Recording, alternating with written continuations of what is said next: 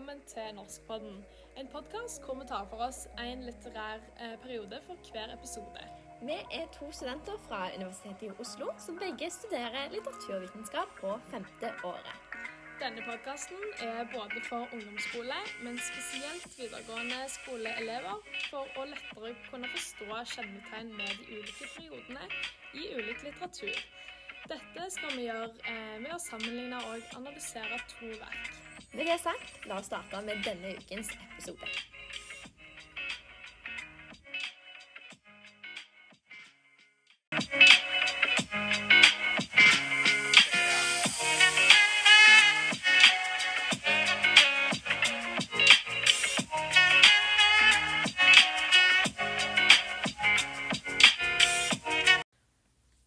I denne episoden skal vi ta for oss perioden barokken.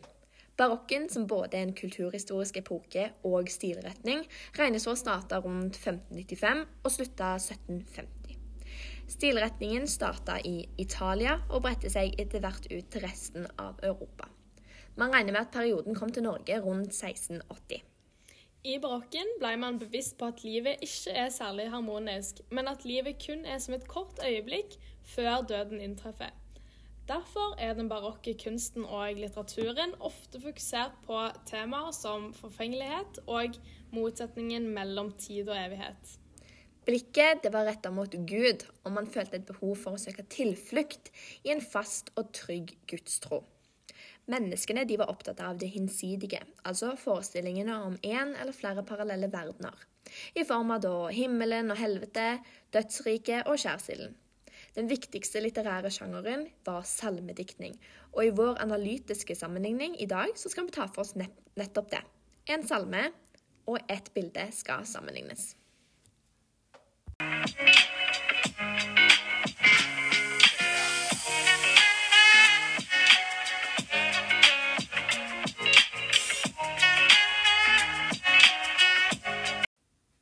Ja, Maja, hvilket bilde er det vi skal ta for oss i dag?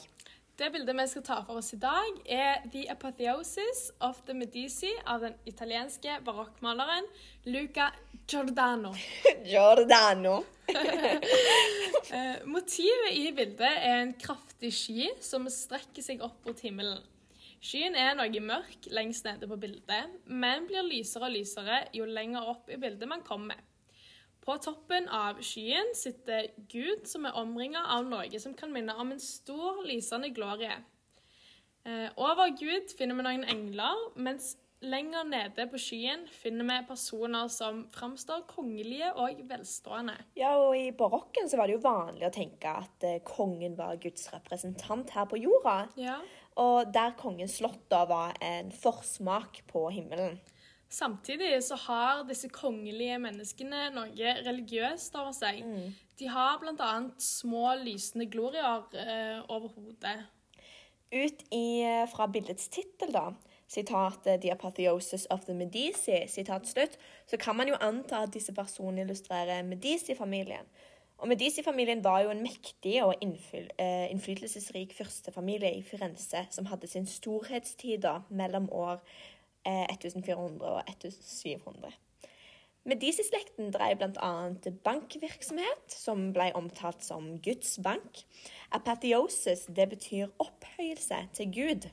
Og Ser man da tittelen i sin helhet, så vil man se at Medici-familien lever et liv i paradis sammen med Gud, noe som stemmer godt overens med motivet i bildet.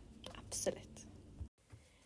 Salmen som skal sammenlignes med bildet, det er 'Far verden, farvel'. Og Den er skrevet av Thomas Kingo i 1681. Men hvem var egentlig Thomas Kingo, Maja?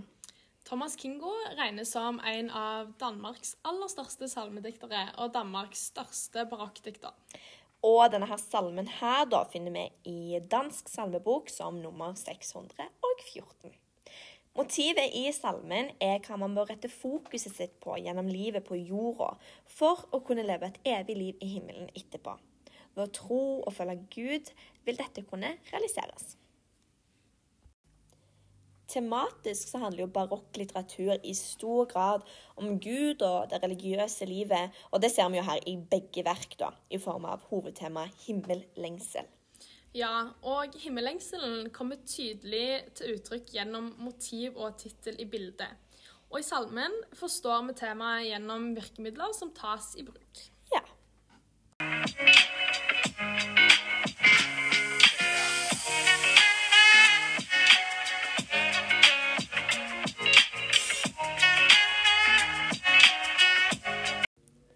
I typisk barokkstil så preges begge verk av virkemiddelet kontrast. Den kontrastfylte virkelighetsforståelsen ser vi tydelig i Kingos skrivemåte. I salmen Far verden, farvel står to prinsipper opp mot hverandre. Verdens tomhet og mørke settes opp med himmelens velsignelser og lys. Sitat, Rikdom og gull sitat slutt, er avguder som drar oppmerksomheten bort fra frelsen. Særlig farlig er sitat, kjødelig lyst, sitat slutt, som vil si kroppens lyster i form av seksualitet. Ja, og denne kontrasten ligger da til grunn for hele teksten. Himmelen kontra verden, frelsen kontra synden, og det evige kontra det forgjengelige. Kontrasten i salmen understreker temaet himmellengsel og forsterker det budskapet memento mori, som betyr 'husk at du skal dø'. Og dette kan jo tolkes da som at du ikke skal fokusere på det materialistiske, altså å være forfengelig, fordi det er jo ikke forgjengelig. Der var det poetisk, Malin. jo, takk for det. Nei, men altså, du skal heller tenke på det å være et godt menneske og følge Gud for å komme til himmelen. Mm. I bildet kommer kontrasten til uttrykk gjennom lys, skygge og farger.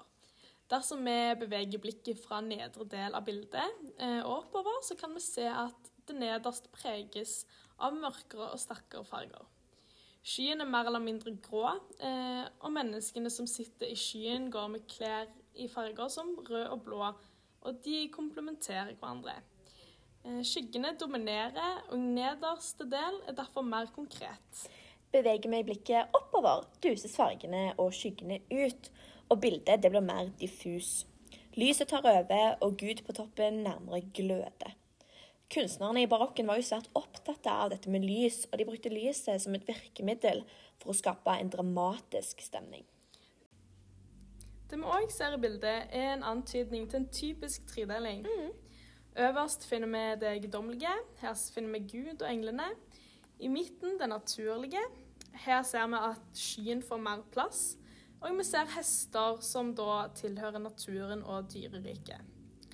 Eh, og nederst finner vi det menneskelige. Her ser vi hva som ligner mest på mennesker som vi kjenner i dag. Tredelingen tydeliggjør kontrasten og forskjellen mellom det menneskelige og det guddommelige, og viser til en dualisme. Og når dualismen føres ut til sin ytterste konsekvens, betyr det at livet på jorda er en illusjon, og det virkelige liv finnes hos Gud i himmelen. Kontrasten i fargebruken fremhever det dualistiske, og på den måten så kommer temaet tydelig fram.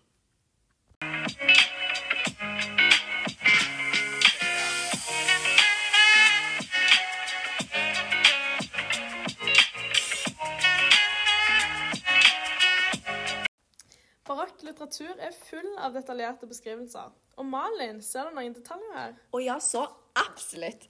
Detaljene finner vi jo i begge verk. Hvis vi starter med salmen. Først og fremst så er jo teksten svært lang. Budskapet memento mori, som jeg nevnte tidligere, er jo lett å forstå, men det brukes mye tid på å forklare det. Faktisk hele 15 strofer til å forklare. Dette er jo typisk for barokken. Bildet det er òg detaljert. I bildet så ser vi tydelige ansikter, vi ser bredt i klærne, skyen er tydelig tegna, og du kan til og med se tydelig bølgete hår på hesten og tær til menneskene. I barokken så sparte man jo ikke på noe. Alt skulle overlesses med snirklete detaljer og dekor, og jo mer var bedre. Ja, alt var ganske så tungt, eh, stort og mektig. Absolutt.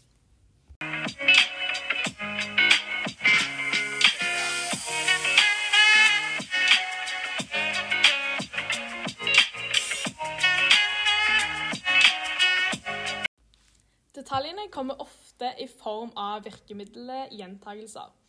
Noe som blir gjentatt flere ganger, men mer enn egentlig nødvendig. Eh, Det ser vi tydelig i salmen.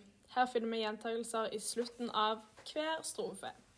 Eh, Det er i hovedsak to elementer som gjentas. Fra første til åttende strofe gjentas sitat Forfengelighet. sitat slutt. Og i siste, de siste syv strofene gjentas sitat I Abrahams skjød. sitat slutt. Der har vi slike. Gjentagelsen i Abrahams skjød fungerer samtidig som en allusjon til en lignelse fortalt i Bibelen. Lignelsen feiltolkes ofte eh, med at det er en klar og direkte skildring mellom himmelen og helvete, der den rike mannen havner i helvete, mens Lasarus, som er fattig, havner i himmelen. Lignelsen er derimot meint retorisk eh, og handler om tilhørernes gale tankesett. Så det handler ikke så mye om hva man har. Nei, eh, men om å handle etter Guds ord og i utgangspunktet bare tro. Bildet har ikke like tydelige gjentagelser. Men eh, den kraftige skyen fungerer jo som en gjentagelse. Den strekker seg over hele bildet og skaper bevegelse. Religiøse momenter blir det jo òg gjentatt i bildet, hvor det er flere engler med Gud i sentrum. Himmelen òg forsterker jo det religiøse, da. Gjentagelsene i tekstene de skaper en eh, ekspressiv funksjon. Altså Disse tekstene bygger med andre ord på patos. Det er, det er det man har fokus på. eh, Følelser og en indre tilstand, og det er veldig typisk for barokken. da.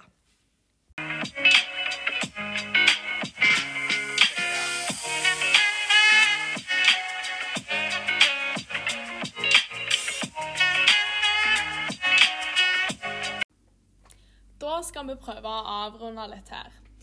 Vil jo si at gjennom bruken av typiske virkemidler fra barokken som kontraster og detaljer, gjentagelser og bibelske allusjoner, får begge kunstnerne tydelig fram temaet himmellengsel, noe som igjen er et typisk tema for barokken.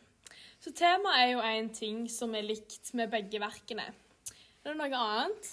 Eh, Ja, begge verk preges jo sterkt av disse kontrastene. Og eh, disse detaljene, da. Ja, virkelig mye detaljer her, spesielt i bildet. En vesentlig forskjell er jo eh, dette med virkemiddelet gjentagelse. da. I bildet ser er ikke gjentagelsen så fremtredende, i motsetning da til salmen, der den er dominerende. Ja, og så er det det siste virkemiddelet, de bibelske allusjonene. Ja, stemmer. Det virkemiddelet preger jo begge verk. Ja, men salmen har kanskje en mer tydeligere allusjon, eh, mens bildet preges jo òg helt klart av det religiøse. Verdier som sto sentralt i perioden, var gjerne religiøse, og verdiene man levde etter, var gjerne Guds ord, for da ville man jo komme til himmelen. I dag så er samfunnet vårt blitt sterkt sekularisert, altså at religionen har fått mindre plass. Likevel så er jo mange av de samme verdiene innarbeida i samfunnet vårt uten at de har samme religiøse betydning. Ja, og som nevnt innledningsvis ble kongen dyrka som Guds stedfortreder på jorden i barokken. Mellom kongen og kirkemakten oppsto derfor et nært samarbeid, mens det da ble større avstand mellom kongen og folket. I dag derimot så har man ikke lenger dette synet. Kongehuset forholdes religiøst, men det har ikke samme makt og posisjon som tidligere. Og der var vi vel rett og slett i mål. Ja, rett og slett. Da er det vel egentlig bare det å takke for denne gang, og så snakkes vi forhåpentligvis i neste episode. Og den må du sikre deg at du får med deg, fordi da skal vi snakke om opplysningstiden. Ha det bra!